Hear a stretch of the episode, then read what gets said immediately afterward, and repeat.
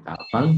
Ya ayyuhalladzina amanu kutiba alaikumus syiyam kama kutiba alal ladzina min qablikum la'allakum tattaqun. Lalu kenapa takwa itu goalnya? Kenapa tidak yang lain? Karena takwa itu adalah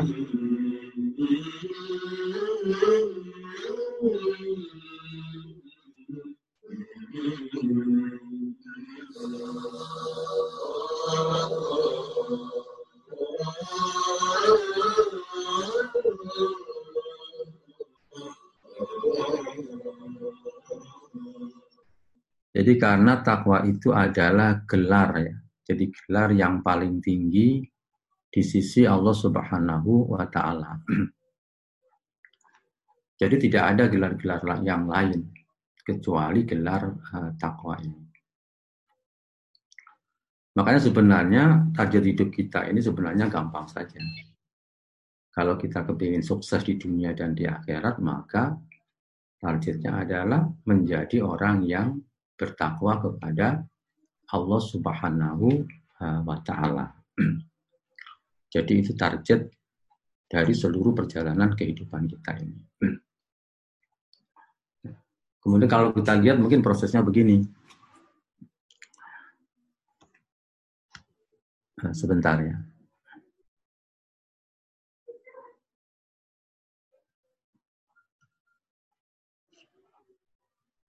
Jadi kalau kita lihat uh, prosesnya seperti ini. Kita ini manusia biasa, kemudian begitu masuk Ramadan, kita diproses dengan melakukan beberapa amal-amal di bulan Ramadan. Nah, diproses dari mana? Yang asalnya kita ini, kita awali menjadi seorang muslim, kemudian kita akan meningkat dengan proses ini menjadi seorang mukmin, dan kemudian uh, menjadi seorang uh, muksin. Ketika dalam diri kita itu sudah ada tiga karakter ini, jadi menjadi muslim, mukmin, muksin, nah, maka kita akan menjadi yang disebut dengan uh, insan yang uh, mutakin. Jadi insan mutakin itu pasti dia seorang muslim, pasti dia seorang mukmin, dan pasti dia seorang uh, muksin. Jadi artinya bahwa ketika mereka melakukan amal itu pasti dia melakukan semua amalnya dengan uh, profesional. Kenapa? Karena dia muslim, mukmin dan muslim. Yang kita lemah sekarang itu adalah pada sisi muksin. Jadi bahwa sebagian besar kaum muslimin itu mereka dalam melakukan pekerjaan-pekerjaannya, aktivitas-aktivitasnya, kegiatan-kegiatannya itu kurang profesional. Padahal sebenarnya profesionalisme itu adalah milik kaum muslimin. Yaitu dari kata-kata muhsin. Jadi orang-orang yang profesional itu maka disebut dengan uh, muhsin. Nah, ikhwatifillah rahimakumullah, jadi kita ulang sekali lagi bahwa goal dari seluruh amalia di bulan Ramadan ini adalah supaya kita menjadi orang yang bertakwa. Ketika kita menjadi orang yang bertakwa, berarti kita mendapatkan gelar yang paling bergengsi di sisi Allah Subhanahu wa Ta'ala. Nah, kalau kita ini mendapatkan gelar yang paling bergengsi, sebagaimana gelar-gelar duniawi, maka kita pasti akan mendapatkan fasilitas dari Allah Subhanahu wa taala. Dan kenapa kita ini kadang lebih bangga dengan gelar-gelar duniawi yang itu adalah gelar-gelar yang semu, gelar-gelar yang sementara. Yang sewaktu-waktu Allah mencabutnya, maka sudah tidak ada artinya dan tidak ada gunanya. Lalu kenapa tidak seluruh aktivitas kehidupan kita ini tidak kita gunakan lalu untuk mengejar gelar yang paling bergengsi? Gelar yang abadi, yaitu yang namanya takwa. Jika kita menjadi orang yang mutakin itu pasti akan menghasilkan sesuatu yang uh, luar biasa. Dan bahkan nanti secara umum Allah memberikan janji kepada kita dalam surah Al-A'raf ini di ayat yang terakhir ini Al-A'raf 128 wal akibatu lil muttaqin. Sukses dan kemenangan itu akan diberikan oleh Allah kepada orang-orang yang bertakwa. Sebagaimana ini dulu janji ini diberikan kepada Nabi Musa ketika dia berwasiat kepada kaumnya, istainu billah wasbiru. Minta tolonglah kalian semua kepada Allah wasbiru dan sabarlah. Sesungguhnya bumi ini milik Allah dan akan diwariskan oleh Allah kepada orang-orang yang dikendaki. Dan inilah ikhwatifillah rahimakumullah ada sebuah kesempatan yang sangat besar bagi kita semua ini untuk mengambil alih peradaban dunia mestinya. Karena sekarang dunia ini sudah mengalami kebingungan.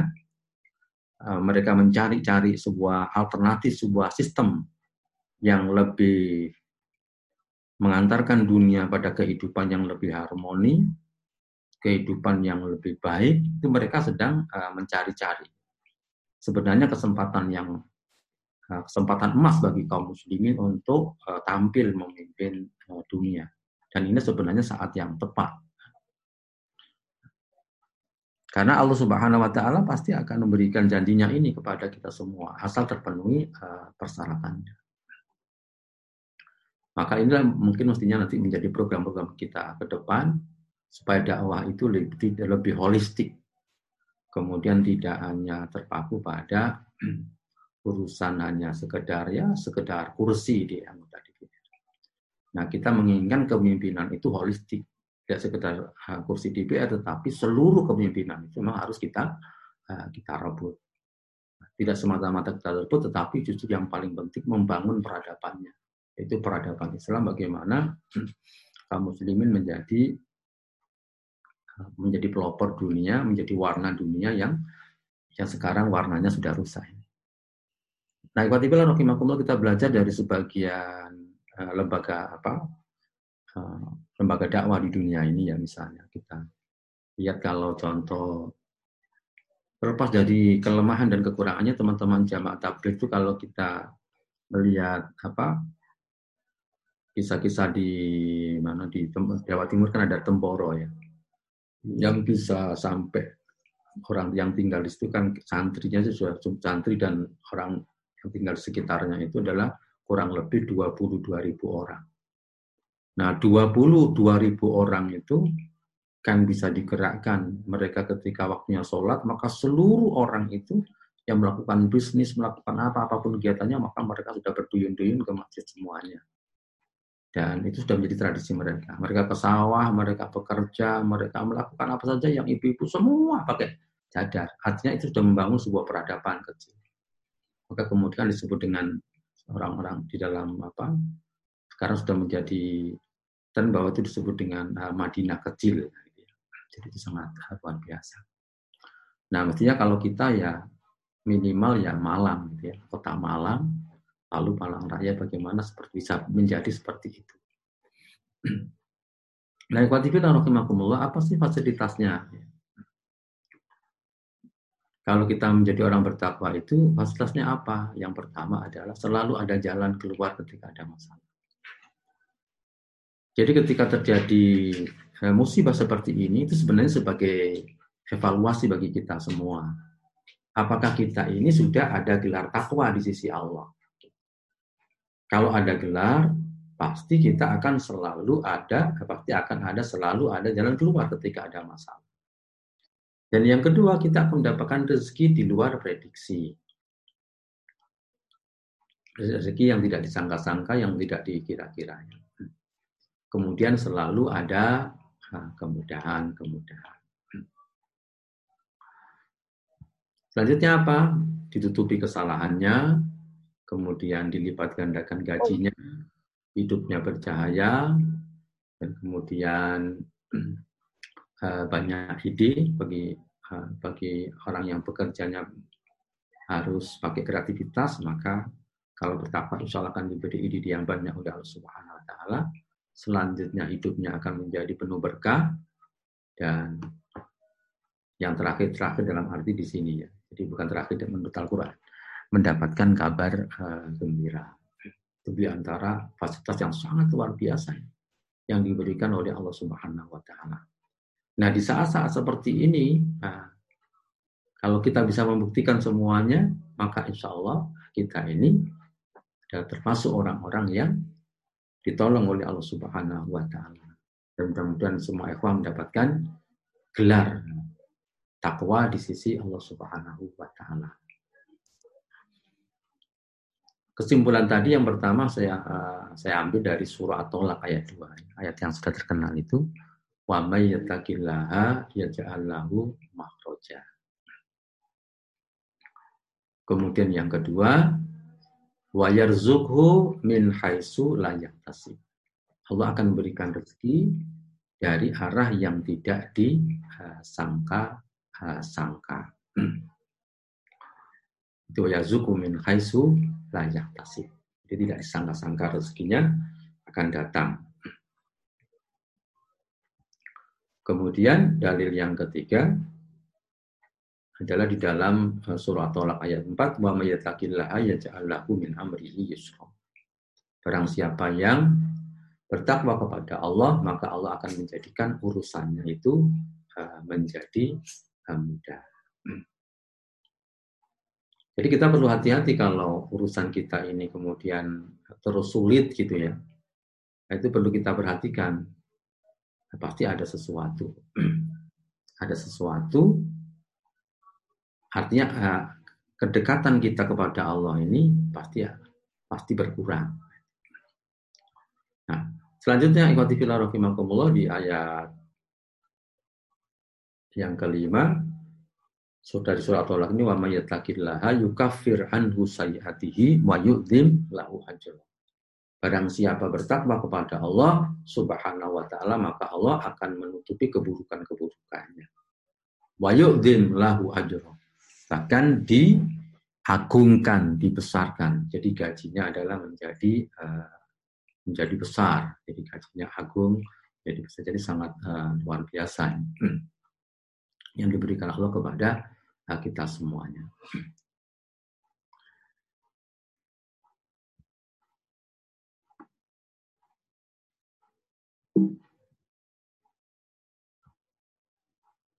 Selanjutnya, jadi keuntungannya kalau kita ngaji seperti ini bisa sambil leye-leye ya. Tidak apa-apa, silakan. Sambil ngantuk-ngantuk dikit. Kemudian dalam surah Al-Anfal 29 eh, kita akan diberi furqanan. Di furqan kemampuan untuk membedakan mana yang baik dan mana yang buruk. Sebagaimana para salafus soleh itu, jadi mereka diberi kemampuan seperti itu. Apa Ustaz? Ya. Ada banyak chat, anu minta volumenya diperbesar di Ustaz Abu.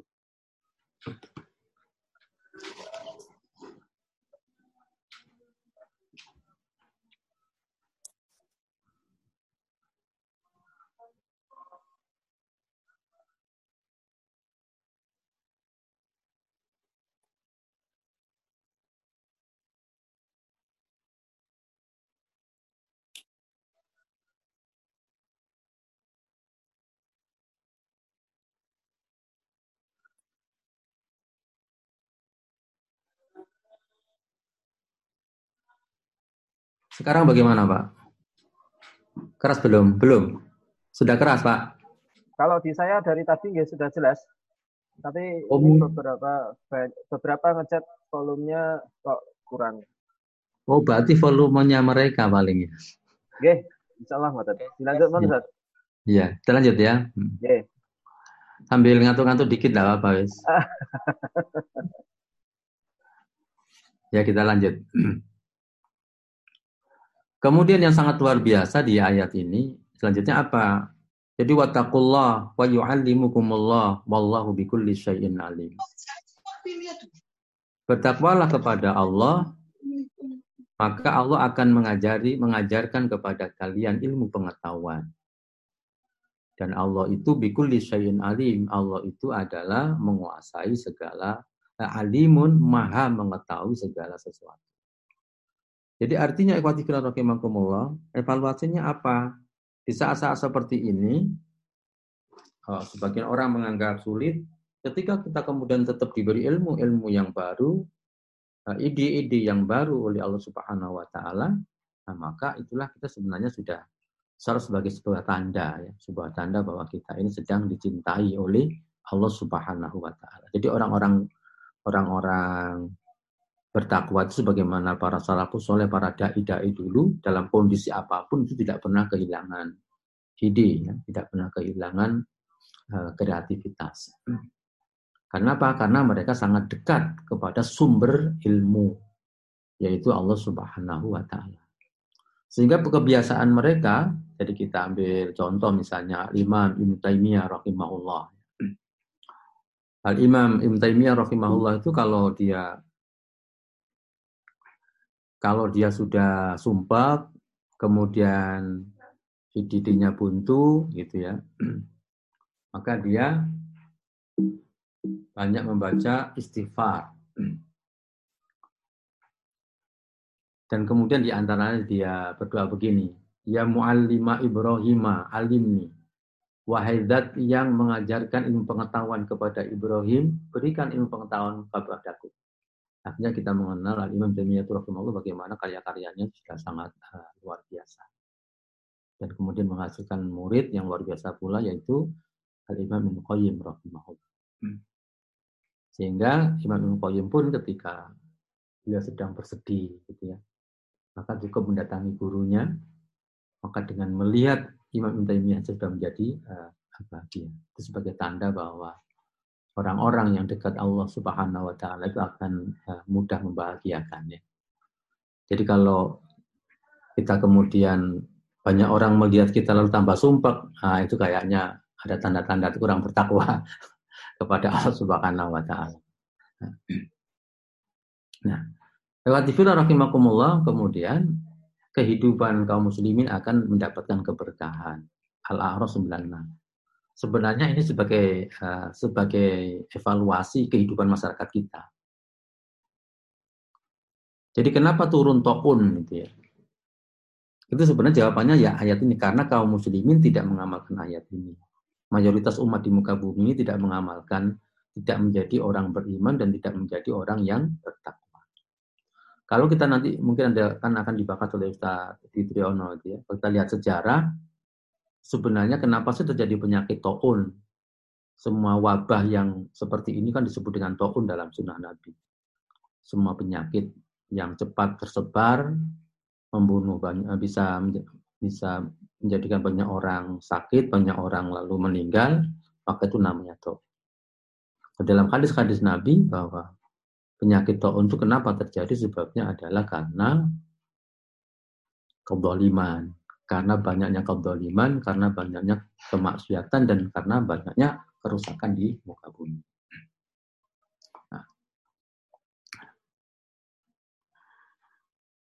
Nah, ini janji Allah yang terakhir apa? Barang siapa apa yang beriman dan bertakwa, lahumul busro. Ya. Orang-orang yang beriman dan bertakwa itu akan mendapatkan kabar gembira. Di mana? Fil hayati dunia dalam kehidupan dunia ini. Wa fil akhirati dan dalam kehidupan akhirat. La tabdila li kalimatillah dan tidak ada perubahan pada kalimat kalimat Allah. Pada janji-janji Allah tidak akan pernah berubah. Jadi ini uh, beberapa dalil dari yang saya sampaikan di awal tadi ya. Nah, ikhwatifillah rahimakumullah. Lalu apa yang kita lakukan di bulan Ramadan ini sebagaimana biasa kita melakukan melakukan siam yang pertama, kemudian yang kedua qiyamul lail, yang ketiga adalah tilawah, kemudian ada infak, ada sodako, kemudian ada itikaf, zakat fitrah dan nama-nama soleh yang yang lain. Yang mungkin di tahun ini Nah, kita tidak sebagian kita tidak bisa melaksanakan misalnya intikaf bisa kita ganti ya sekarang intikafnya di rumah gitu ya. Nah, ikhwatifin rahimakumullah.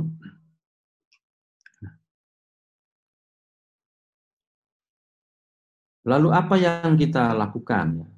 Dari sekian amal ini karena ini sudah dibahas oleh para eh, para ulama kita, maka saya ingin sampaikan yaitu tentang yang penting kita lakukan adalah dari sisi kalau selama ini mungkin sisi kuantitas ya. kalau para ulama dulu kemudian mana yang kita dudukan kuantitas apa uh, kualitas kita lihat di dalam kitab ini ya. Mohon maaf nanti saya saya lihatkan kitabnya itu bahwa hendaklah kita ini yang pertama kali kita lakukan itu apa ya. supaya amal Ramadan ini betul-betul nanti uh, bermakna. Yaitu yang pertama adalah ihsanul amal. Jadi ihsanul amal melakukan amal secara optimal dan maksimal makanya uh, menurut kitab ini yaitu dalam uh, kitab ini yang ditulis oleh Majdi Al-Hilali, seorang dokter dari Ikhwah, ya, dokter Ikhwah dari Mesir. Jadi beliau mengatakan, Min huna naqulu bi annahu yang bagi alaina annah tam bitahsinil amal. Maka seharusnya seyogianya bagi kita semua untuk memberikan perhatian tentang tahsinul amal, mengoptimalkan amal, meningkatkan amal. Lihat tahakok, kata beliau, supaya realisasi dari tujuan ibadah itu eh, tercapai. Yaitu apa? Yazdadu wa yazdadul iman fil qalbi, yaitu bertambahnya iman. Itu maksudnya adalah iman kita dengan, dengan Ramadan, dengan amalia Ramadan ini, ibadah Ramadan ini, iman kita menjadi naik, akhirnya ketakwaan kita menjadi lebih Dan beliau kemudian mengutip perkataan Al-Hafidh Ibnu Rajab rahimahullah. Beliau mengatakan, "Kana kana salaf yusuna bi itqanil amal wa tahsinihi dunal iktar minhu." Makanya para salafus saleh rahimahullah, mereka berwasiat hendaklah kita semua ini melakukan itqanul amal, melakukan amal yang sempurna watafsir yang menyempurnakan memperbaikinya. Dunal iksar minhu tidak sekedar memperbanyak. Kenapa? Kata beliau, fa innal amal al qalil ma'at tahsin wal itqan. Afdalu minal kafir ma'al ghaflah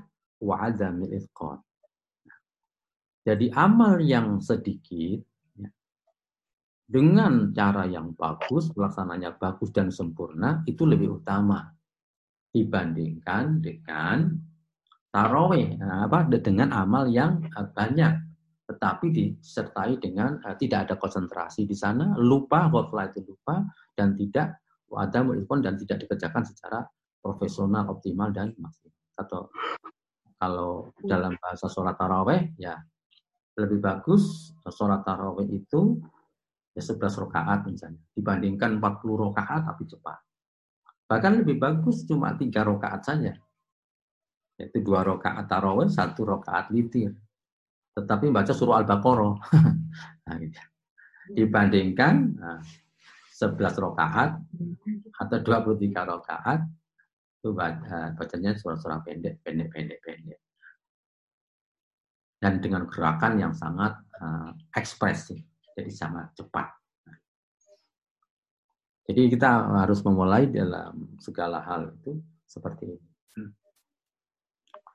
Sehingga waqala ba'duhum sebagian salafus salih mengatakan inna rajulaini la yaqumani Ada dua orang laki-laki, ada dua orang yang sedang berdiri sholat. Berada di barisan sholat. Sama-sama di depan wa baina sholatihima kama baina samai wal ardi.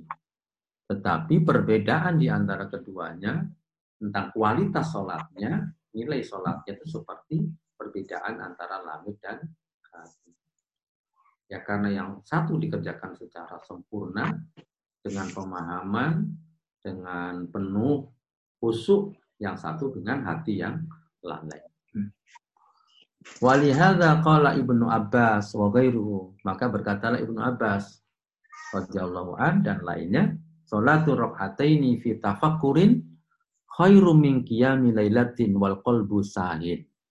Salat dua rakaat yang disertai dengan perenungan tafakur, memikirkan maknanya, memikirkan artinya, memikirkan kebesaran-kebesaran Allah, nikmat-nikmat Allah yang banyak diberikan kepadanya, itu lebih bagus dibandingkan nah, yaitu ya mulai itu sholat semalam suntuk disertai dengan hati yang sahin.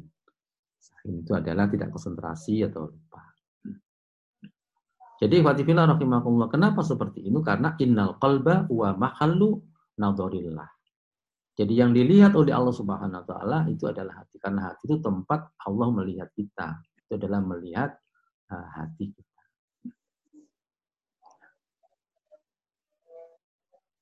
Dari sinilah amal hasan itu adalah amal yang sangat penting. Saya kira uh, ini dulu ikhwati fillah sebagai uh, pengantar. Nanti kita lanjutkan diskusi. Nanti kalau terlalu panjang saya khawatir ini ngantuk semua saya enggak nggak bisa melihat jangan-jangan oh. tidur semua. Wallahu alam bisawab. Oke.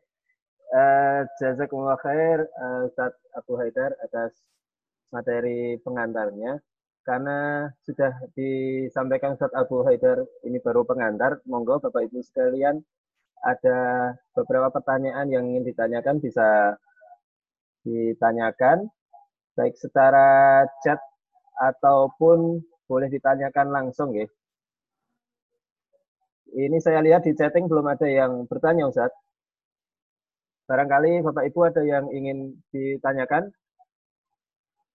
Uh, bisa di unmute dan menyampaikan pertanyaannya. Jangan-jangan tidur semua. Atau videonya harus ditampilkan ini.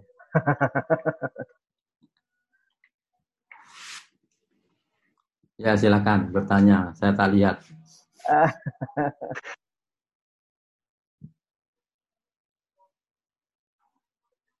Halo. Yang lainnya ada pada bertanya toh? Mungkin kalau mau selesai biasanya bertanya itu.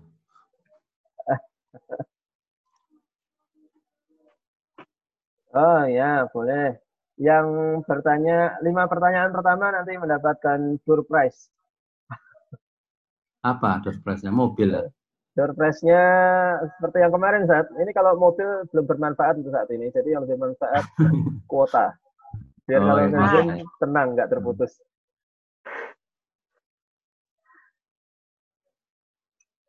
Ngantuk katanya itu. Apa? Soalnya Ustaz yang ngantuk. Ada yang usul durpesnya umroh voucher boleh kalau voucher.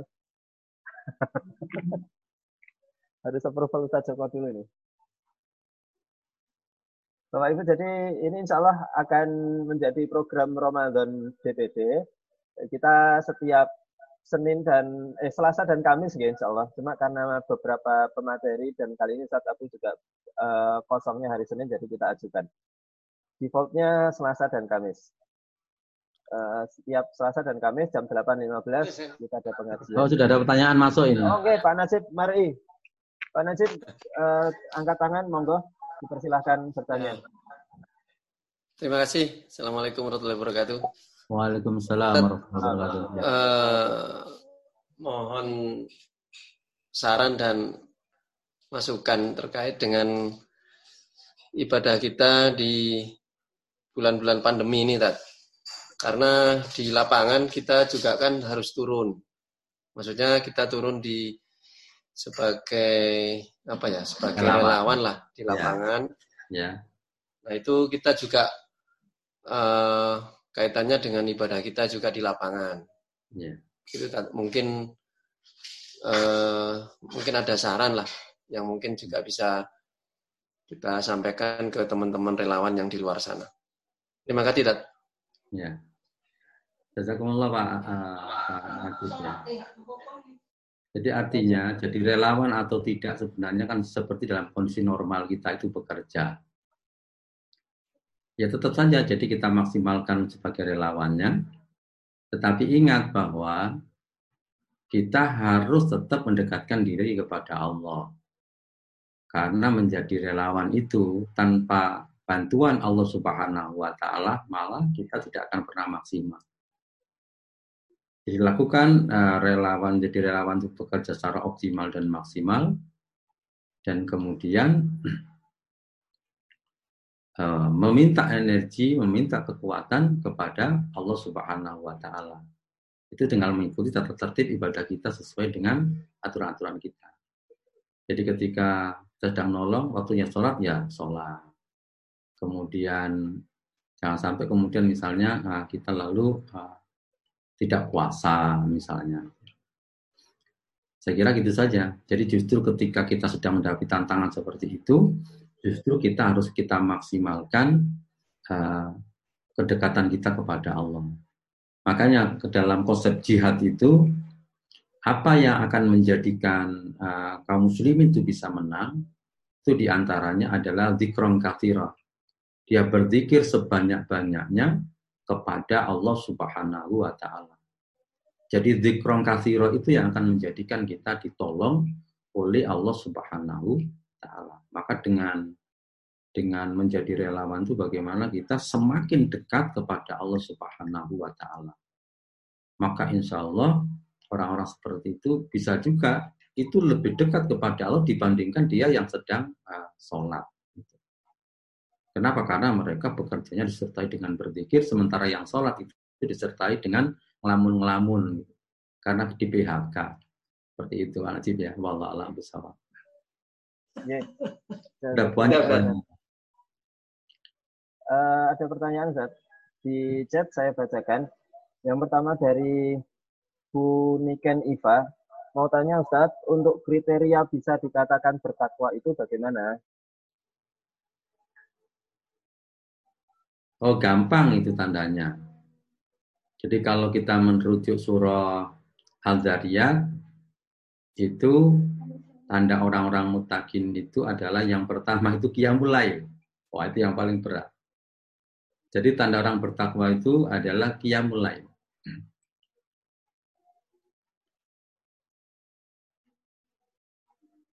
Lalu yang kedua, mereka itu wafi amwalihim hatkun lisa'ili wal mahrum dalam surat itu dilanjutkan adalah mereka selalu uh, berbagi.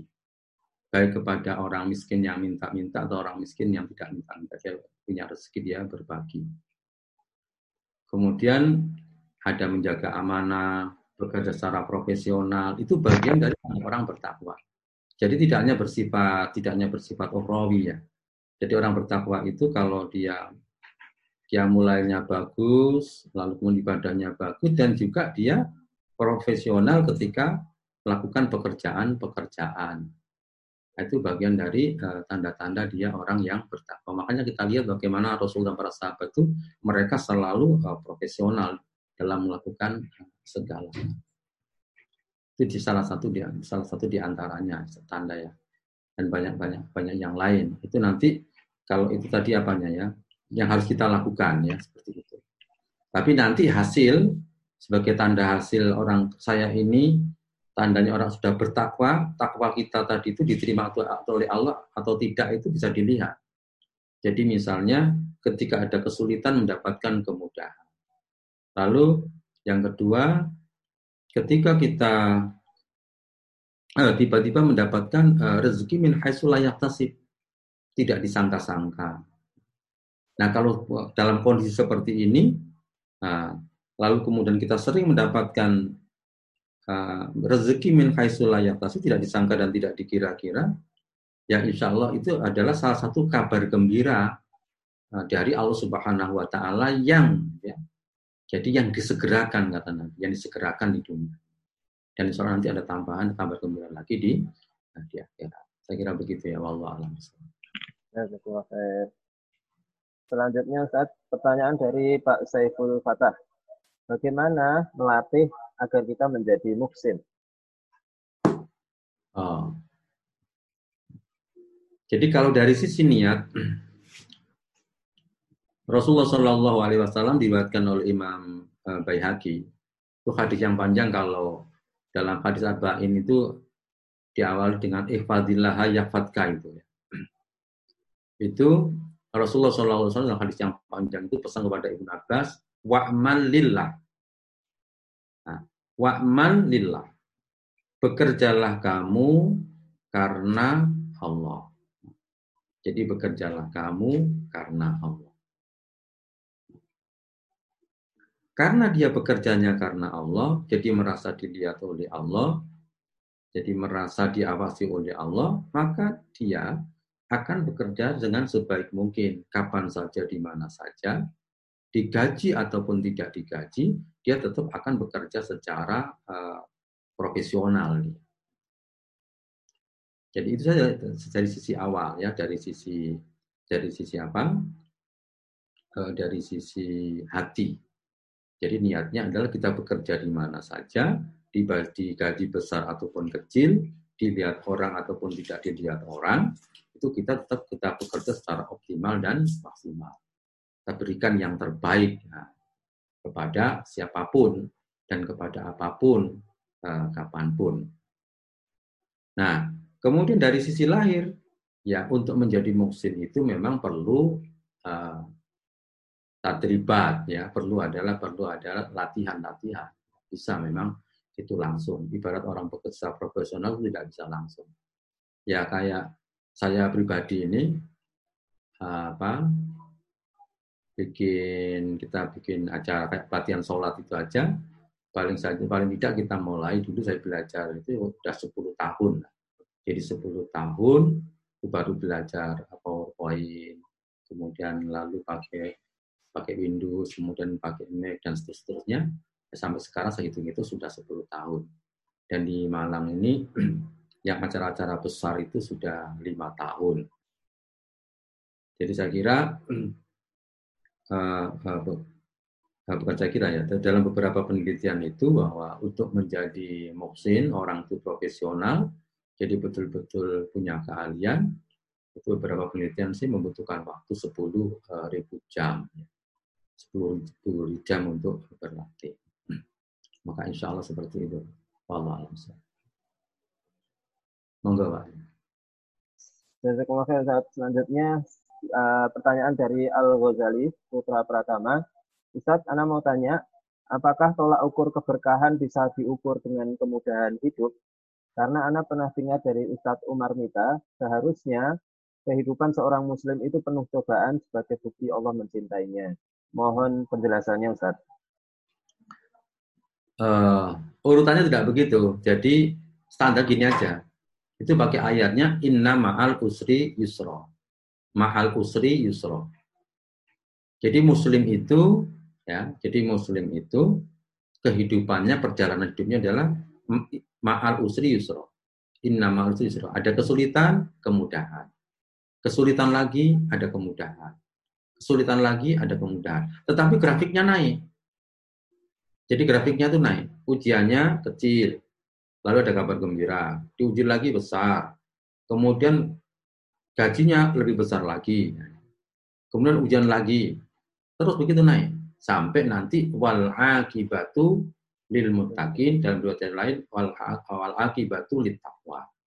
Sehingga nanti puncaknya dia mendapatkan kemenangan, kemudian husnul Fatimah. Maka insya Allah itu sebagai tanda keberkahan. Tetapi kalau kalau grafiknya turun, sulit, makin sulit, makin sulit, ah itu berarti ada peringatan. Pasti perjalanan hidup seseorang itu adalah berada di jalan yang salah. Sehingga kita bisa melihat bagaimana para nabi dan para rasul itu mesti semuanya akan menjadi apa? kemenangan, akhirnya happy ending ya. Jadi akhir yang baik, akhir yang baik. Ya, Rasulullah cuma begitu kan, sulit. Ya kita ini sekarang uh, lockdown ini kan kita masih satu bulan apa dua bulan lah kurang lebih ya. Dulu bagaimana Rasulullah embargo ekonomi yang sangat luar biasa, tidak bisa beli, ya tidak bisa beli, tidak bisa jual. Itu dalam waktu yang uh, lama kan dalam satu dua ada dua tahun, dalam satu yang lain dan tiga tahun. Tapi setelah itu ada kemenangan, kemudian ada kesulitan lagi, lalu ada kemenangan. Insya Allah begitu. Jadi kalau praktiknya begitu ya benar. Tetapi kalau grafiknya sulit terus, kemudian akhirnya semakin sulit, berarti itu perjalanan hidupnya tidak tepat.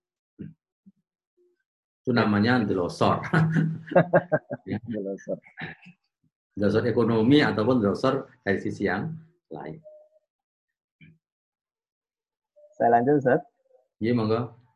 Uh, ini pertanyaan yang kelima. Jadi insya Allah sudah ada lima nama yang nanti mendapatkan door prize.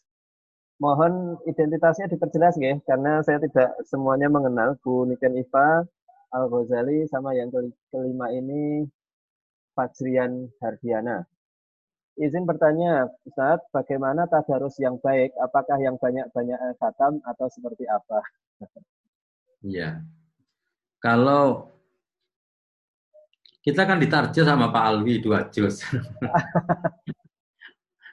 ya sudah yang baik yang itu sehari berarti baca dua juz. Nah, kalau tadar tadar itu pribadi ya, jadi pribadi baca pribadi saja pribadi itu namanya wirid tilawah. Jadi wirid tilawah dua juz setiap hari. Kemudian kalau saya mencoba kalau di kampung itu, eh, dulu saya perubahannya begini, supaya lebih efektif tadarus itu, pertama baca Quran, baca Arabnya. Lalu kemudian bisa begini, baca Arabnya semuanya muter gitu. Kalau dalam hal apa saya buat begitu. Jadi baca Arabnya dulu muter, lalu baca artinya yang dibaca di muter. Ini kalau di kampung bisa begini, jadi baca Arabnya, sampingnya baca artinya bahasa Indonesia. Lalu baca Arabnya lagi, sampingnya baca artinya. Dalam rangka apa untuk memberikan edukasi supaya mereka mau baca artinya Quran. Paling tidak pernah dengar.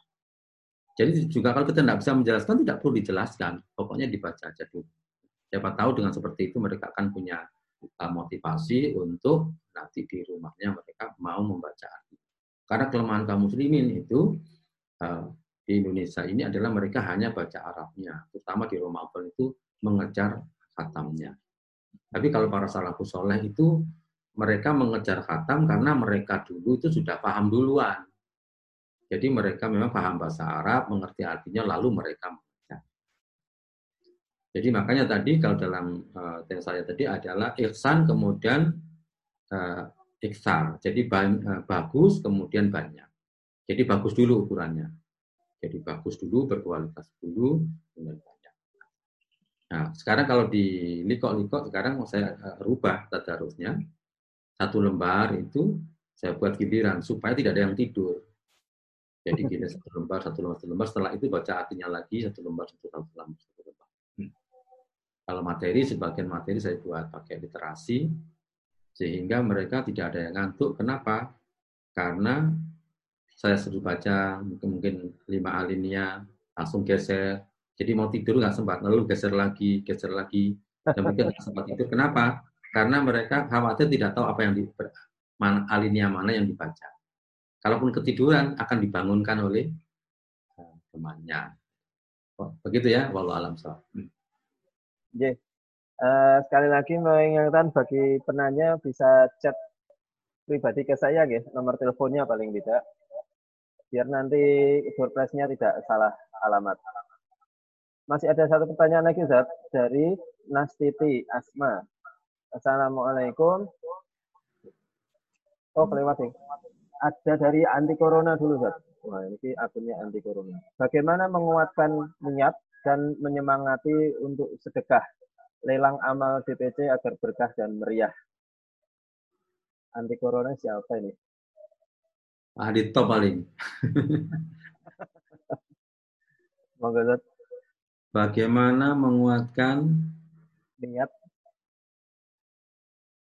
Oh, sebenarnya mereka punya niat semua ini. Jadi punya niat semuanya. Mungkin sekarang sedang tidak bekerja dia karena lockdown gitu ya. Jadi gampang ya. Jadi caranya amal itu kan begini saja. Siapa yang beramal akan mendapatkan amal. Siapa yang membantu akan dibantu. Siapa yang menolong akan ditolong. Itu saja simpel. Jadi prinsipnya Nabi Muhammad itu sudah sangat luar biasa. Pokoknya yang menolong saudaranya akan ditolong oleh Allah. Yang membantu saudaranya akan dibantu. Nah, yang itu yang harus kita yakinkan.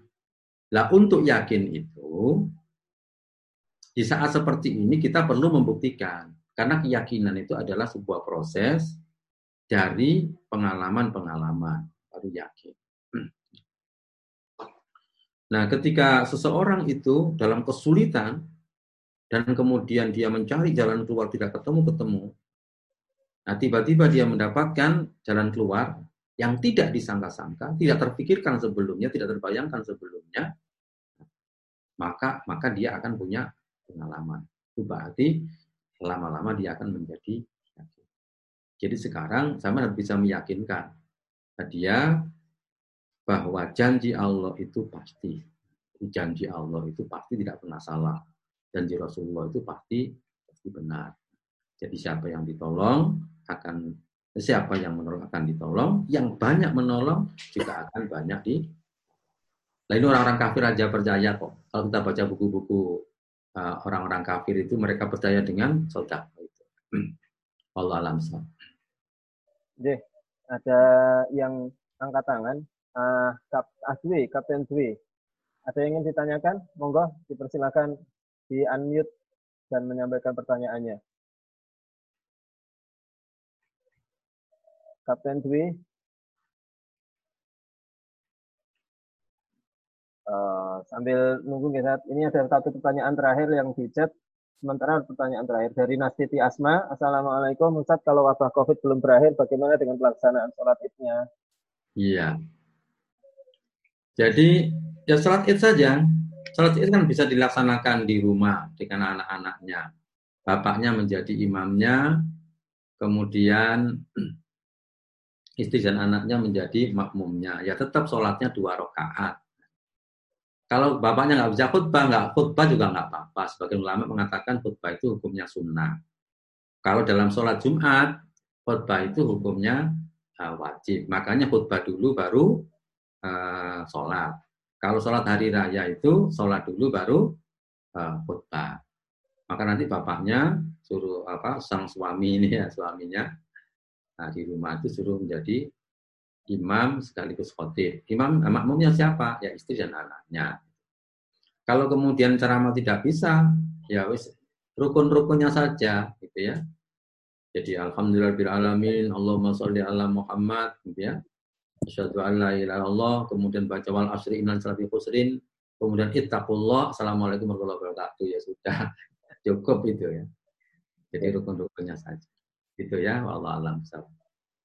Ya, Alhamdulillah. Sementara sudah tidak ada yang angkat tangan dan pertanyaan tambahan. Oh, ini Asri nggak jadi bersuara, tapi chatting.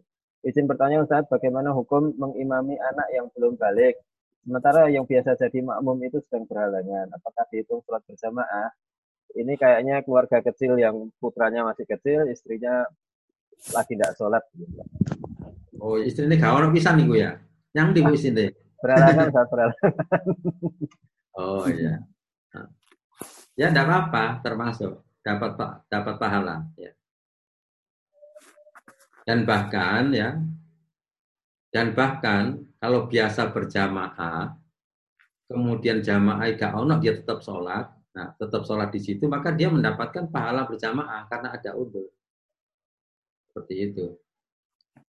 Tambah satu lagi, itu ada tambah satu lagi nih maksudnya, itu menjawab pertanyaannya Kapten Dwi, biar bisa jamaah nambah satu lagi. Nggak tahu yang ditambah putranya atau yang lain. Oh iya, punya punya, punya anak banyak ya. Iya, enggak. Oke. Uh, Cukup. Cukup Ustaz. Alhamdulillah pertanyaan sudah terjawab semua. Barangkali Ustaz aku menyampaikan uh, penutup dan sekalian doa untuk kami semua. Iya. Uh, penutupnya begini.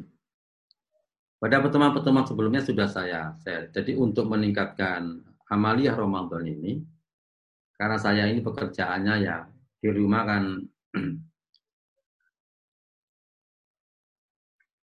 puasa tok. yang puasa, yang kedua sholat ya. Yang ketiga leye-leye. Yang keempat sambil nyiapkan studio ini. Mudah-mudahan mau doanya nih Pak Mirza. Masih nyiapkan studio mudah-mudahan cepat jadi. Amin, amin. Biasanya doa itu diiringi dengan dana. Oh. ya. Nah, yang yang terakhir ini guyon, gitu ya. Saya kira begini, evaluasi sekalian. Jadi kita perlu latihan di Ramadan ini kita maksimalkan ya. Jadi kita maksimalkan tentang eh, tadi puasa saya tidak saya singgung yang yang pesan terakhirnya adalah maksimalkan sholat. Eh, di dalam uh, di dalam Al-Qur'an Allah Subhanahu wa taala kan mengatakan begini. Wa'mur ahlaka bis perintahkan keluargamu dengan sholat. Wastabir alaiha dan bersabarlah melaksanakan sholat. Itulah nas'aluka rizkon, kami tidak memberikan kepadamu rizki. Nah, narzukuka, tapi kami memberikan rizki kepada kepadamu. Fal akibatu taqwa. Dan akibat yang baik, kemenangan itu akan diberikan, kesuksesan akan diberikan kepada orang yang. Nah, saya kira perlu latihan kita. Kalau dalam pelatihan sholat, saya suruh latihan kalau sehari 40 rakaat. Nah, kalau sekarang karena ini Ramadan mungkin kita perlu latihan sehari semalam itu 50 rakaat. Sebagaimana uh, sholat awal itu dulu uh, apa? Dulu kan didiskon ya rencananya kan sholat ini kan 50 waktu. Dengerin. Nah maka sekarang kita mencoba uh, sholat itu 50 uh, rakaat dan nanti kita rasakan betul apakah ada bagaimana hasilnya setelah uh, Ramadan tapi kami minta yang apa? Saya sarankan yang duha itu bisa 10 rakaat, bisa 6 rakaat, 8 rakaat, tapi dilaksanakan di luar rumah sambil berjemur. Uh, terserah pokoknya sambil berjemur kapan saja di mana saja terserah supaya kita bisa merasakan uh, nikmatnya sholat sambil berjemur. Karena ide yang terakhir ini ya kami baru menemukannya ketika terjadi uh, COVID ini. Dan alhamdulillah beberapa kawan itu mempraktikannya dan bisa merasakan uh, sangat luar biasa. Saya kira begitu. Mudah-mudahan ini bermanfaat bagi kita semuanya. Yang penting adalah berlatihnya dan mudah-mudahan seluruh keluarga besar uh, Partai Keadilan Sejahtera ini diberi keberkahan oleh Allah Subhanahu wa taala. Ikhwas sekalian diberi kemudahan oleh Allah Subhanahu wa taala dan mudah-mudahan kita semua nanti bertemu di surganya Allah Subhanahu wa taala. Amin. Allah wa iyyakum ajmain. Assalamualaikum warahmatullahi wabarakatuh. Waalaikumsalam warahmatullahi wabarakatuh.